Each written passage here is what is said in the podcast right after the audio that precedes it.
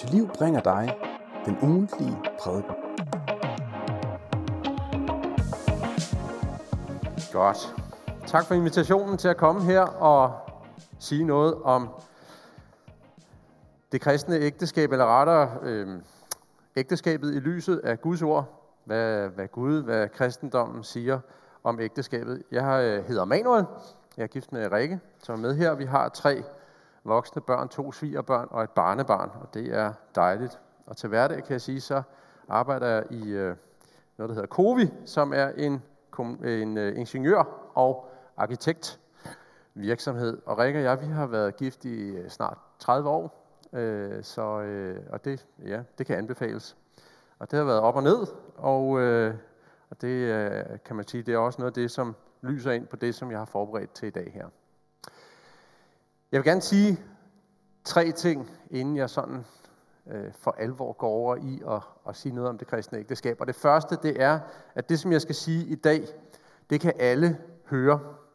Alle kan høre det, men det er skrevet primært til kristne. Det er ud fra et, øh, et brev, som en apostel, der hedder Paulus, har skrevet til nogle menigheder, eller til en menighed, og så er det noget, som kristne har hørt op igennem tiden. Men det er også lidt vigtigt at sige, fordi det med, med kristendom, jeg ved jo ikke, om, om du er kristen, om alle her er kristne, men kristendom og det at lære Jesus, eller det at leve som kristen, det er ikke først og fremmest at følge en, en bestemt måde at leve på, hverken i eller uden for ægteskabet. Kristendom er, er der en, der har formuleret det sådan, er ikke først og fremmest gode råd om, hvis du gør sådan og sådan, så lever du det rigtige liv, og så kan Gud acceptere dig. Kristendom er først og fremmest gode nyheder om, hvad Gud har gjort. Hvem Gud er, hvad han har gjort, og hvad det betyder for os. Det han har gjort sådan helt uafhængigt af os. Og det budskab, det har vi brug for at tage til hjerte. Og øh, som Kim han også bad om til at begynde øh, med, så handler det den forandring, som Gud ønsker at skabe i menneskers liv. Og han ønsker at skabe forandring i vores liv. Han er optaget af, hvordan vi lever vores liv. Det er indefra og ud. Det er ikke udefra og ind. I hvert fald ikke som det primære. Og hvis vi ligesom kun taler om det, der er ude i, i periferien, altså derude omkring, øh, så øh, går vi glip af kernen i det, det vil sige at være kristen. Man kan godt øh, kigge på den kristne moral og prøve at følge den, og det kan der sådan set komme meget godt ud af i vores relation til hinanden.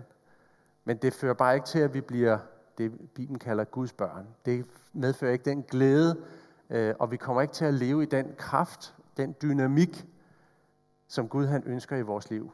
At ånden, hans ånd kommer ind i vores hjerter og bærer frugt i vores liv. For konsekvenser i vores liv.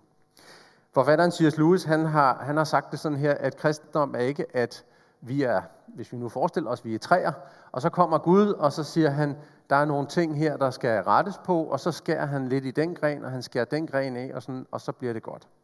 Kristendom, det er, at Gud kommer ind, og så kigger han på os alle sammen som træer, og så fælder han det, og så planter han et nyt. Det er sådan, kristendommen er. Det er, at vi kommer fuldstændig til kort i forhold til det, at, øh, at leve helt rigtigt. At vi ser, at vi ikke har den kraft i os selv, øh, at vi har brug for et mirakel, og det mirakel, at det Gud er, det han gør, og det han kan gøre i vores liv. Og vi tager imod det i Jesus. Så det er det første, jeg lige vil sige, inden vi, vi sådan går lidt mere i substansen. Alle kan høre det, men det er ikke skrevet til alle. Det, jeg skal sige i dag, det er skrevet til kristne. Det andet er, at det er primært til ægtefolk eller kommende ægtefolk. Det, det kommer vi ikke rigtig udenom. Men det er ikke det samme som, at ikke alle kan høre det. Alle kan høre det, som vi skal høre i dag, hvis du er kristen især. Fordi det også handler rigtig meget om, hvordan vi lever i fællesskab med hinanden. Hvad det er for en indstilling, vi har til hinanden i det kristne fællesskab. Så derfor øh, tror jeg faktisk også, der er noget til dig, enten du er øh, single eller fraskilt, homoseksuel eller på anden måde har en anden seksuel orientering, og derfor måske ikke regner med, at du skal blive gift i det her liv. Eller i det kommende. For det tredje, så vil jeg sige, at øh, noget af det, jeg siger i dag, regner jeg med, bliver provokerende for nogle af jer, måske jer alle sammen.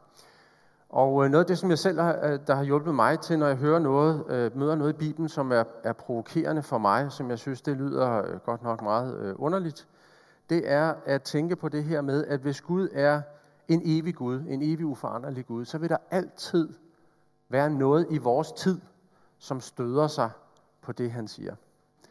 Fordi vores tid er uforanderlig. Vores kultur er foranderlig. Den skifter hele tiden. Det, der var rigtigt i går, det er forkert i dag. Øh, bare kig på, hvad der er sket øh, i form af, af, af hvad hedder, spis og du ved, morgenbolledamer. Det var, sådan, det var helt fint i 70'erne for de fleste i Danmark. Ikke? Og i dag tænker man bare, hvad i alverden skete der, mand? Og det er bare i min levetid, og så gammel er jeg altså heller ikke. Øh, så der vil altid være, hvis, hvis noget er evigt, så vil der altid være noget ved det i tiden, som man støder sig på. Og så må det være op til dig jo, om du vil lade din tid være herre i dit liv. Om du vil lade din tids moral være det, der dikterer dig. Eller om du vil have et møde med den levende Gud. Den evige og levende Gud og hans budskab. Han, som vi tror har skabt os, som kender os, og som ved, hvad der er bedst for os. Også når vi ikke engang ved det selv. Det er det, vi må afgøre med os selv. Så prøv at kigge forbi forarvelsen og ind til hjertet i det Gud, han siger til os. Han, som har skabt os, som kender os og som elsker os.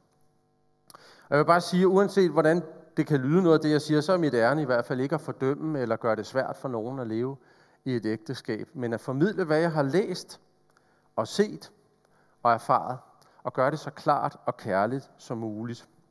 Hvis der er noget af det, du hører, som du synes, det, det står ikke i Bibelen, det er Manuels holdning, så kan du bare øh, øh, sætte det til side, hvis ikke du synes, det, det passer. Men til gengæld, hvis, hvis det, jeg siger, det er ud fra Guds ord, så må du tage det op med Gud. Så prøv det, du skal høre nu her på. Er det Gud, der siger det, eller er det bare Manuels holdning? Og nu skal vi bede sammen. Kære Gud og far i himlen, kære Jesus Kristus og gode Helligånd. Jeg beder dig om, du må komme nu og tale til vores hjerter, at du må tale ud af evangeliet og vise os, hvad evangeliet, det kristne budskab, betyder for os, både i øh, vores relation til dig, men især i dag til hinanden, i øh, fællesskab og i ægteskab. Det beder jeg dig om i dit eget navn. Amen. Det jeg skal øh, sige noget om nu her, ægteskabet i lyset af den kristne tro, det er for det første, at øh, ægteskabet er under angreb, hvis ikke man skulle have opdaget det. Øh, så vil jeg sige noget om kristendommens ja til ægteskabet og vejledning, og til sidst noget om nogle konkrete konsekvenser, det har ind i ægteskab og parforhold. Men først, altså, øh, og jeg skal også sige, der står et mobilnummer nede i hjørnet af slidene. Jeg har min mobil med. Du er velkommen til sms'e, kommentar eller spørgsmål til mig undervejs. Så skal du nok få svar, men det bliver på, øh, på sms, det bliver på mobilen i dag. Du kan også hive fat i mig øh, bagefter, men nogle gange kan det jo være lidt svært. Så det er okay at tage mobilen frem Øh, og lige sende mig en besked undervejs. Godt.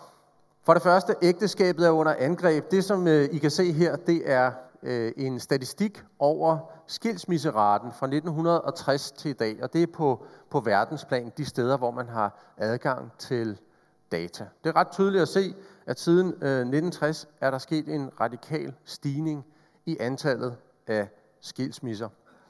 Og hvis vi sammenligner det med antallet af ægteskaber, det øverste med lysene, det er antallet af ægteskaber, det nederste, det er antallet af skilsmisser, så er der sådan en rimelig klar og kedelig tendens. Antallet af skilsmisser stiger, antallet af ægteskaber, indgåede ægteskaber, falder.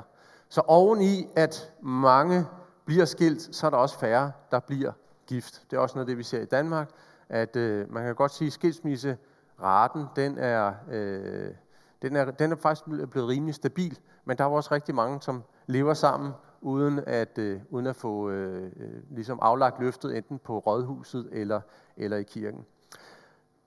Men hvis man skal være lidt øh, positiv alligevel, så kan man sige, at i, i Danmark der skete den store stigning, især i 70'erne til dels i 80'erne. Det her det er tallene siden 1999, og der kan man se, at det øverste det er hvilelser, den blå linje. Det går sådan, øh, det, det er på et lidt lavere niveau, men, men, men lidt i stigning. Antallet af skilsmisser mm, mere stabilt. Vi har ikke 2019 med, der skete der et stort fald i antallet af øh, skilsmisser, og det kan man jo øh, overveje, om det havde noget med, med noget øh, corona eller noget at gøre. Eller var det inden det? Det kan jeg ikke huske. Men der var sket et stort fald i 2019 i hvert fald. Godt. Hvorom alt er, ægteskabet er under angreb, hvis man skulle være i tvivl om det. Hvad er det, der gør, at ægteskabet er under angreb? Jeg vil sige, at, øh, at meget af det har at gøre med, med noget, som er en tendens i tiden. En, øh, et syn på livet, et syn på os selv, et syn på andre mennesker, som, øh, som ikke sådan ligesom bliver fremsat som en teori, men ligesom mere er en del af den ånd, den luft, vi indånder. De historier, vi læser i livsstilsblade, det vi ser i, på, øh, på Netflix, eller det vi ser i, i øh, fjernsynet, i tv-programmer. Det, det er ligesom, der er, der er nogle historier, der øh, er blevet meget stærke i vores tid, og som angriber forestillingen om, at ægteskabet er en god idé. Man kan, man kan spørge øh, sådan her, hvad er formålet med ægteskabet? Vi kommer fra en situation, hvor man siger, at ægteskabet det er et livslangt bindende løfte, en aftale om troskab, der skaber trygge rammer for seksuelt samliv, kærlighed og familieliv i praksis. Men i dag, så er der mange, der siger, øh, nej, øh, ægteskabet det er, og bryllup, det er en smuk fejring af den romantiske kærlighed. Et løfte om at gøre sit bedste, og en vej til personlig lykke og tilfredsstillelse. Altså vi går fra, at ægteskabet det er ligesom en ramme, og det er en god ramme, og den, det, det, det er et løfte, og vi holder fast i det, uanset om jeg så lige bliver realiseret eller ej, til ægteskabet, hvis det skal være godt, hvis det er et godt ægteskab, jamen så er det en fejring af det, der er det egentlige, nemlig kærligheden, passionen mellem os. Øh, og, og, og, og jeg skal også tilfredsstilles i det her. Der skal være plads til os begge to, og vi skal begge to realiseres i det. Det er ligesom den historie, der er blevet den toneangivende. Og det er svært for ægteskabet at leve op til. Jeg tror, at de fleste, der har været gift, øh, har erfaret. Nogle, nogle klarer det jo, men, men rigtig mange har svært ved at leve op til det. Der er en juraprofessor, der hedder John Witt Jr., som, øh, som har øh, forsket det her, og han skriver lidt som, altså han er jurist, ikke, så han skriver sådan lidt sjovt. Øh, og knudret, no offense, til de tilstedeværende jurister, der er jo flere til stede her, men han, han har forsket det her, han siger, at det tidligere ideal for ægteskabet som en permanent kontraktlig forening, skabt med det formål at fremme gensidig kærlighed, forplantning og beskyttelse, er langsomt ved at vige tilbage for en ny virkelighed, hvor ægteskabet er en seksuel kontrakt, der kan opsiges, og som er oprettet med det formål at tilfredsstille hvert af de to individer. Altså vi går fra, at det ligesom er, det her det er, det er permanent, der er ikke nogen øh, nødudgang her, det er simpelthen det, det er, bortset fra nogle ganske få tilfælde, til det her det er en kontrakt, den holder så længe, som begge parter er tilfredse. Noget af det har at gøre med, at vi, går, at vi er gået fra en, en forestilling om, at som menneske, altså som enkelt person, så er vi først og fremmest dem, vi er i relation til nogle andre, noget der er uden for os selv. Og vores liv handler først og fremmest om at gå ind i nogle roller og udføre de roller i familien, i den store familie og i samfundet. Til at mit liv og min tilværelse, den handler om min historie. Hvad, hvad, hvad skal min historie være i det her liv? Hvordan kan jeg ligesom få en god historie, en god karriere, et godt ægteskab? Det handler om mig. Det er sådan sat lidt på spidsen, men prøv at lægge mærke til, hvor mange af de fortællinger, film osv., øh, der grundlæggende fortæller det her. At livet, hvis ikke jeg føler det rigtigt, hvis ikke jeg bliver tilfredsstillet, jamen så må jeg gøre op med det. Det er min pligt. jeg, skal ikke, jeg skal ikke gå på kompromis. Det er svært, hvis man skal leve i et ægteskab. Så har det også noget med det, der skete i 1968 at gøre. Jeg ved ikke, hvor mange af jer, der øh, kan huske øh, Susanne Bryggers bog Fri os fra kærligheden. Det var 1973, der var jeg tre år gammel, så det er ikke, fordi jeg kan huske, at den udkom men jeg fik lov at vokse op i efterdønningerne af det. Men fri os fra kærligheden, det var sådan, det er sådan et eksempel på det. Det var et, et stort opgør med ægteskabet, fordi det var trangt, det var kvindeundertrykkende, og, øh, og det begrænsede seksualiteten, som var det øh, 1968 i høj grad handlede om at få sluppet den fri. Fri kærlighed, kaldte man det. Det lever vi stadigvæk. Det, det er blevet mainstream, kalder man det. Det er hovedstrømmen i tankegangen nu her at ægteskabet det er problematisk, fordi det kan være undertrykkende. Det har ført også til, en, at, at rigtig mange parforhold, også kristne parforhold, er blevet en magtkamp. Man kæmper om magten, man kæmper om, hvem der skal bestemme, og hvem der skal frem i parforholdet. Det er ikke særlig befordrende for relationen. Øh, og øh, altså sådan grundlæggende, nu ved jeg godt, det her det er, sådan, øh, det er en reklame for et parfume- og kosmetikfirma, øh, men, men hele denne her grundlæggende tanke om, du har en værdi i dig selv, og du har fortjent X, Y og Z. Du har fortjent et godt ægteskab. Det er ikke fair, at hun er sådan. Det er ikke fair, at han er sådan over for dig. Hvis du møder ind i ægteskabet med den holdning, øh, så er det klart, at så kommer det under pres. Så bliver det svært at leve op til. Og så pornoficering af vores samfund. At alle kan tilgå øh, alle mulige øh, interessante varianter af øh, seksualitet via bare sin mobiltelefon, som vi grundlæggende har med os overalt. Det har lagt, uanset hvad, så påvirker alle de billeder, film osv. vores forestilling om kroppe, også vores partners kommende krop og hvordan sexlivet skal være. Det har sat øh, utrolig øh, negativ indflydelse også på parforholdet. Så, og sådan kunne man blive ved, men det er for at sige, ægteskabet er under angreb. Og uanset om vi vil det eller ej, så er det en del af den luft, vi indånder. Og med, hvis man kigger på, hvad er grundene til, at øh, folk bliver skilt øh, på, på verdensplan, så er de tre topscorer. For det første, det her lack of commitment. Det vil sige en mangel på, at man forpligter sig. Det er den største øh, grund til, at folk går fra hinanden. Det er, at man ønsker ikke længere at forpligte sig. Man ønsker ikke at sige, i tygt og tyndt i medgang og modgang, så hører vi sammen. Godt. så det var ægteskabet under angreb, således opmuntret. Så går vi videre til øh, det næste, som er, hvad er, hvad er ligesom det kristne syn på det her? Øh, og jeg synes, at øh, også fordi det er lidt køligt herinde, at det er en god idé lige at rejse sig op, og så vil jeg læse øh, teksten fra øh, Efeserbrevet kapitel 5. Og det første, jeg vil læse, jeg tager ikke hele teksten derop, men det første, jeg vil læse, det er fra det første vers. I skal ligne Gud som hans kære børn, og vandre i kærlighed, ligesom Kristus elskede os og gav sig hen for os, som en gave og et offer til Gud, en livlig duft. Og fra vers 21, konsekvensen i et ægteskab. I skal underordne jer under hinanden i ærefrygt for Kristus. I hustruer under jeres mænd, som under Herren. For en mand er sin hustrus hoved, ligesom Kristus er kirkens hoved og sit lægemes frelser. Ligesom kirken under sig, underordner sig under Kristus, sådan skal også I hustruer underordne jer under jeres mænd i alt. Men elsk jeres hustruer, ligesom Kristus har elsket kirken og givet sig hen for den, for at hellige den ved at rense den i badet med vand ved ordet, for at føre kirken frem for sig i herlighed, uden mindste plet eller rynke, hellig og lydefri. Sådan bør også mændene elske deres hustruer som deres eget læme. Den, der elsker sin hustru, elsker sig selv. Ingen hader jo sin egen krop, men nærer og plejer den, som Kristus gør med kirken. For vi lemmer på hans læme. Derfor skal en mand forlade sin far og mor og binde sig til sin hustru, og de to skal blive et kød. Dette rummer en stor hemmelighed. Jeg sigter til Kristus og kirken. Men det gælder også jer, at I hver især skal elske jeres hustru som jer selv, og hustruen skal have ærefrygt for sin mand. Amen. Jeg tog det første vers med, i stedet for at springe direkte til formaningerne til mænd og kvinder, som jeg nok skal komme til. Øh, men det er fordi, at det her det er hele basis, som jeg også var inde på i begyndelsen. I skal ligne Gud som hans kære børn.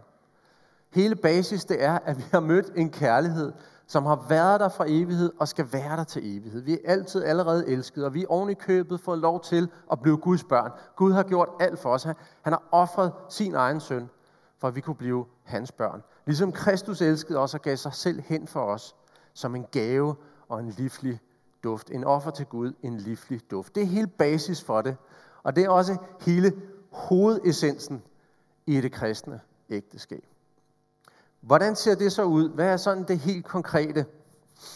Øh, først så vil jeg sige, det står ikke her i teksten, men Guds ord er tydeligt på, at over for Gud, så er vi lige. Og vi kommer ind på det der med ligestilling og så videre her. Ikke? Øh, og, og, og øh, det står selv i Bibelen, at, at kvinden er intet ude manden, og manden intet ude kvinden, og det kommer ikke an på at være jøde, græker, mand eller kvinde. Alle er vi et i Kristus. Det er også en del af basis. Så det handler ikke om, at den ene er mere værd øh, end den anden. Man kan sige det sådan, at vi har lige værd, men forskellige opgaver. Vi er lige stillet over for Gud, men vi har forskellige roller. Og det synes jeg er vigtigt at tage med ind, også i det, vi skal tale om her. Og så også at sige, at, at udgangspunktet er ikke, at øh, Paulus går direkte til, at kvinden skal underordne sig under manden. Det kommer vi til. Men faktisk, at I skal, vi skal underordne jer under hinanden i ærefrygt for Kristus. Både i det kristne fællesskab og i ægteskabet. Så, så er budskabet fra Gud, at ligesom Kristus underordnede sig og blev lydig og viste sin tro og sin kærlighed til Gud med hele sit liv og sin død, sådan er vi kaldet til at gå i hans fodspor.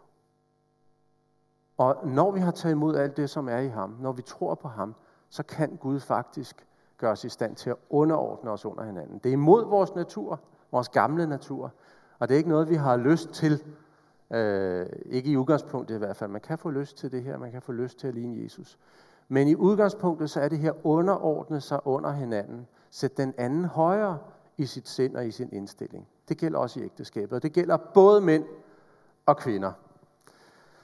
Og det handler ikke først og fremmest om at tro på Rikke for mig, men det handler om for mig at tro på Kristus, og i ærefrygt for Kristus er underordne mig øh, under Rikke.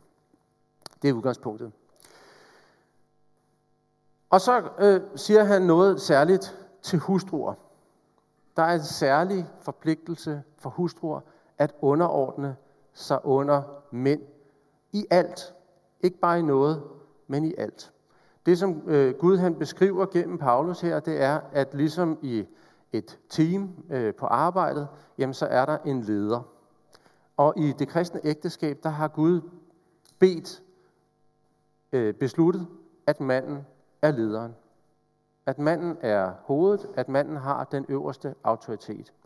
Så selvom der i hver og i stilling er fuldstændig lige, så er der også et hierarki øh, ind i et ægteskab. Det er sådan, jeg læser øh, Guds ord, og det er sådan, jeg også erfarer i praksis, at det er godt. At det er en del af Guds orden. Så siger den også, at øh, hustruen skal have ærefrygt for sin mand. Og jeg ved ikke, øh, jeg kommer tilbage til, hvordan det, det kan se ud i, i praksis, men jeg ved ikke, hvor mange af jer, der oplever, at, at øh, at øh, ægteskab, også de kristne ægteskaber, er præget af, at hustruen har ærefrygt for sin mand. Det synes jeg er tankevækkende i hvert fald. Øhm, og så går han over til mændene. Mænd, elsk jeres hustruer, ligesom Kristus har elsket kirken og givet sig hen for den, for at kø- og så senere for at føre kirken frem for sig i herlighed, uden mindste plet eller rynke, hellig og lydefri. Og det ord, som Paulus bruger her om at elske sin hustru, er ikke eros. Det er heller ikke romantisk øh, kærlighed. Det er faktisk den samme form for kærlighed, som Kristus har til os. Det er den uselviske, selvhengivende kærlighed. Og det vil sige, til os mænd siger øh, Gud gennem Paulus, at vi på en særlig måde skal, uden at tage hensyn til os selv, uanset om vi har lyst til det eller ej, at sætte vores hustruers behov over vores egne. Og så især at fremstille hende i et lys, hvor vi ikke bebrejder, hvor vi ikke udpeger fejl. Det er en særlig forpligtelse til os mænd. Vi skal elske vores hustruer som vores eget lægeme. Og vores eget lægeme, når vi er sultne, så spiser vi. Når vi øh, er trætte, så lægger vi os og hviler. Og på samme måde, så skal vi nærmest kunne føle, hvad er det, vores hustruer har brug for. Og sørge for at tjene og gøre alt, hvad vi kan, for at de bliver hårde de behov, de bliver opfyldt. Og så slutter øh, Paulus det her stykke af med at sige, dette rummer en stor hemmelighed, jeg sigter til Kristus og kirken. Det vil jeg vende tilbage til lige om lidt. Men først så vil jeg lige give nogle praktiske konsekvenser. Altså jeg har fået, er det ikke 25 minutter, man må tale her? Okay, jeg må, måske må jeg få 30, men jeg har fået 30 til at sige øh, alt om det kristne. Nej, det, det er, jeg er så tilfreds med tiden, og man kan nå meget på 25 minutter. Jeg skulle bare lige vide, så, så det bliver lidt hurtigt, og måske er det her noget, I, øh, I, I selv kan læse bagefter, og så tænke lidt videre over. Jeg har også en, hov, en boganbefaling. Jeg er nok kommet til at ødelægge jeres klikker. Godt. Konkrete konsekvenser eller praktiske. Men I skal beskytte jeres hustruer og gøre dem trygge. Ligesom I passer på jeres eget læme, hvis det bliver angrebet. Vi skal tilgive. På en særlig måde har vi en forpligtelse til at tilgive, værdsætte hende, tale godt om hende. Vi skal være opmærksom på hendes behov, sætte dem over vores egne, lytte til dem, lytte og give hende mulighed for at udfolde sig. Altså, øh, nu talte jeg sådan lidt, lidt dårligt, hov, lidt dårligt om feministen øh, Susanne Brygger, og jeg mener faktisk også, at, at øh, jeg ved godt, at nogen kalder sig kristne feminister. Det, er, det kan vi diskutere, men det mener jeg nærmest er en selvmodsigelse. Øh, fordi feminismen fokuserer generelt så meget på magt. Øh, men når det gælder at få lov til at arbejde, kan man sige, det offentlige rum, eller som kvinde, at optræde på arbejdsmarkedet på lige fod med mænd, så kan jeg ikke se, at der er noget som helst i Bibelen, der modsiger det. Øh, I ordsprogenes bog står der om den gode hustru, hvordan hun køber og sælger ting, hvordan hun er leder af den virksomhed, som hendes hjem er, osv. Så mænd, I skal give gode muligheder for jeres hustruer til at udfolde sig, bruge sine evner, øh, og det kan også være karrieremæssigt. Og så skal du være gavmild. Du må ikke spare på det, når du giver gaver. Du, du, skal, du skal strække den så langt som overhovedet muligt. Jeg kan se, at der er mange af jer, der er glade og nikker, fordi det er lige præcis også sådan, I praktiserer det. Det er godt at vise din kærlighed i handling. Det er ikke nok at sige til kårbrylluppet og sølvbrylluppet øh, i talen, jeg elsker dig. Det skal du sige øh, oftere, ofte, og du skal vise det. Og du skal øh, gerne overdrive det. Og til sidst så vil jeg sige, at du har de hovedansvaret for at skabe de bedst mulige rammer for familiens åndelige og menneskelige trivsel. Blandt andet økonomi, andagt og deltagelse i det kristne fællesskab. Og til sidst, du har hovedansvaret for opdragelsen og oplæringen af dine børn. Det, det, øh, og, og, og, og de her ting, dem kan I arrangere jer med, som I vil, stort set. Du mand skal bare vide, det er dig, der har ansvaret for, at I har den samtale, og at det bliver lagt til rette på den måde. Det er dig, der har ansvaret. Så er der noget til hustruerne. Du skal anerkende, øh, og, ja, okay, der skulle nok have stået øh, acceptere her, men øh, ja, du kan også anerkende dem, men det handler egentlig om at acceptere din mands beslutninger og være lojal over for dem. Ja, der skulle have stået anerkende din mands øh, myndighed, kan jeg se, og være lojal over for hans beslutninger, også selvom du er uenig. Det er okay at være uenig. Og det er ikke sikkert, at han er lige så intelligent som dig.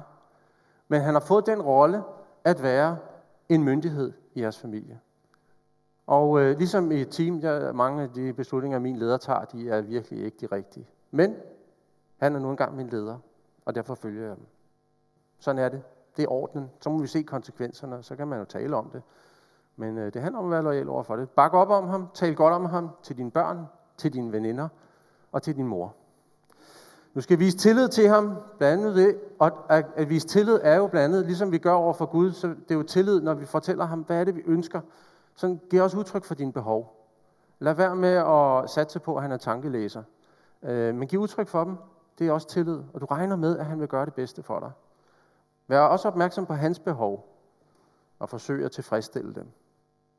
Det mener jeg faktisk er en del af det, der ligger i øh, Guds formaninger til os. Og så hvis vi skal opsummere det hele, så den vigtigste praktiske konsekvens, og den, det, det, den, bær, den bedste opskrift på et, øh, et vellykket øh, ægteskab, hvis jeg må have lov at bruge det udtryk, det er, at du beslutter sådan her, jeg vil behandle min selvoptagethed som den største forhindring for vores ægteskabelige lykke. Ikke hendes, ikke hans, men min selvoptagethed. Det er den, jeg først og fremmest skal fokusere på at arbejde med. så ved jeg godt, det her det er, det er, hvordan det skal være og burde være og så videre. Og øh, når først øh, øh nogen oplever det, især når der kommer børn, så er det godt nok, det er godt nok svært. Og så siger man sådan til sig selv, det burde ikke være så svært, vel? Altså, det er et ægteskab, det burde være sjovt og spændende og dejligt og givende osv. Det burde ikke være så svært. Og det svarer lidt til, at man siger, altså min hustru, hun øh, er rigtig god til at spille klaver. Jeg hørte hende spille øh, Griegs, øh, det er Grieg øh, bryllup på Trollhavn, ikke også? Det er rigtig svært øh, at spille det stykke, skulle jeg hilse at sige. Øh, og, og det er ligesom sådan at sige, det burde ikke være så svært, så der må være noget galt med, med stykket, eller med Grieg. Eller hvis man nu øh, siger, øh, man spiller Premier League øh, fodbold, ikke også? Det burde simpelthen ikke være så svært at lave en krøl spark op i hjørnet. Det burde det simpelthen ikke. Der må være noget galt med spillet. Der er noget galt med reglerne, fordi det er svært. Forstår I, hvad jeg mener? På samme måde så er der mange, der, der, der siger sådan, det burde ikke være så svært at være gift. Det burde ikke være så svært at efterleve det her. Men det er fordi, det her det er et smukt stykke. Det er det smukkeste, et af de smukkeste stykker, der findes i verden, i universet. Det er det samme stykke, som Jesus spillede, og han spillede det fuldkomment. Og det er det stykke, vi er kaldet til at spille. Og mange gange så er sådan, ding, dong, dang, dong, det ved jeg godt. Men indimellem så kommer der brudstykker af uendelig skønhed. Når mændene kigger på, hvad det er, de skal, og kvinderne kigger på, hvad det er, de skal, og ud af et kærligt og villigt hjerte efterlever det, så kan det virkelig være smuk musik. Virkelig smuk musik. Det kan være en duft. Det kan være en duft, ligesom Kristus er en, en livlig duft. Sådan er det en livlig duft at få lov at erfare et ægteskab og møde et ægteskab og en familie, hvor det her, det, det er hovedessensen. Eller Paulus, han, øh, han bruger det her øh, billede med at være himmellys i en, i en, i en mørk verden øh, i Galaterbrevet, hvis jeg husker, eller i Filipperbrevet. Øh, det er lige meget. Men øh, der, øh, som jeg startede med, der er mange ting, som, øh, som er imod ægteskabet lige nu. Og, og vi, vi skal være opmærksom på, at vi indånder det. Og nogle gange skal vi lægge nogle blade væk og lade være med at blive ved med at læse dem, eller øh, sige nej til film og serier, som hele tiden problematiserer det livslange ægteskab og forpligtelsen, og det at sætte sin egen behov til side. Fordi ellers indånder vi det bare, og det kommer til at bære frugt i vores liv. Så vi er under angreb, og der er et, et mørke i vores tid også. Men der er også stadigvæk et evangelium. Der er stadig en Guds ånd. Der er et lys, som mørket ikke kan få bugt med. Og hvis vi tager det til os, og hvis vi lever i tro på det, så kan vi få lov til at tænde sådan nogle lys. Og det vil andre lægge mærke til. Og så vil de spørge, hvad er det, der er i deres liv og i deres ægteskab, som er så specielt? Og så kan vi fortælle dem det bedste budskab, der er i verden. At det ikke er min selvdisciplin eller Rikkes. Det er ikke vores kraft, men det er fordi, vi har lært en at kende, som gav sig selv hen for os. Lad os bede sammen. Kære Gud og far i himlen, jeg takker dig for dig. Jeg takker dig for din søn Jesus Kristus. Og Jesus, jeg takker dig for, at du underordnede dig. Du gav dig selv hen for os. Det er en livlig duft. Det er sød musik. Det er et kunstværk af kosmiske dimensioner. Tak for, at vi får lov til at leve i en beundring af det. Og jeg beder dig om, at det må forme os, så det får praktiske konsekvenser øh, ind i vores liv og bære frugt. Jeg beder dig for dem, som føler, at det er uoverstigeligt, at du må minde dem om, at dit å er let og gavnligt. Og der er intet, du beder os om, som du ikke selv er gået ind i først. At du vil være med os, hver gang vi fejler. Din nåde er ny hver morgen. Din tilgivelse, den er frisk. Det beder jeg dig om, vil du velsigne ægteskaberne, vil du velsigne familierne, vil du hele dem, der sidder med sorg og ar. Vil du øh, komme med din trøst og lægedom. Det beder jeg dig om i dit eget navn. Amen.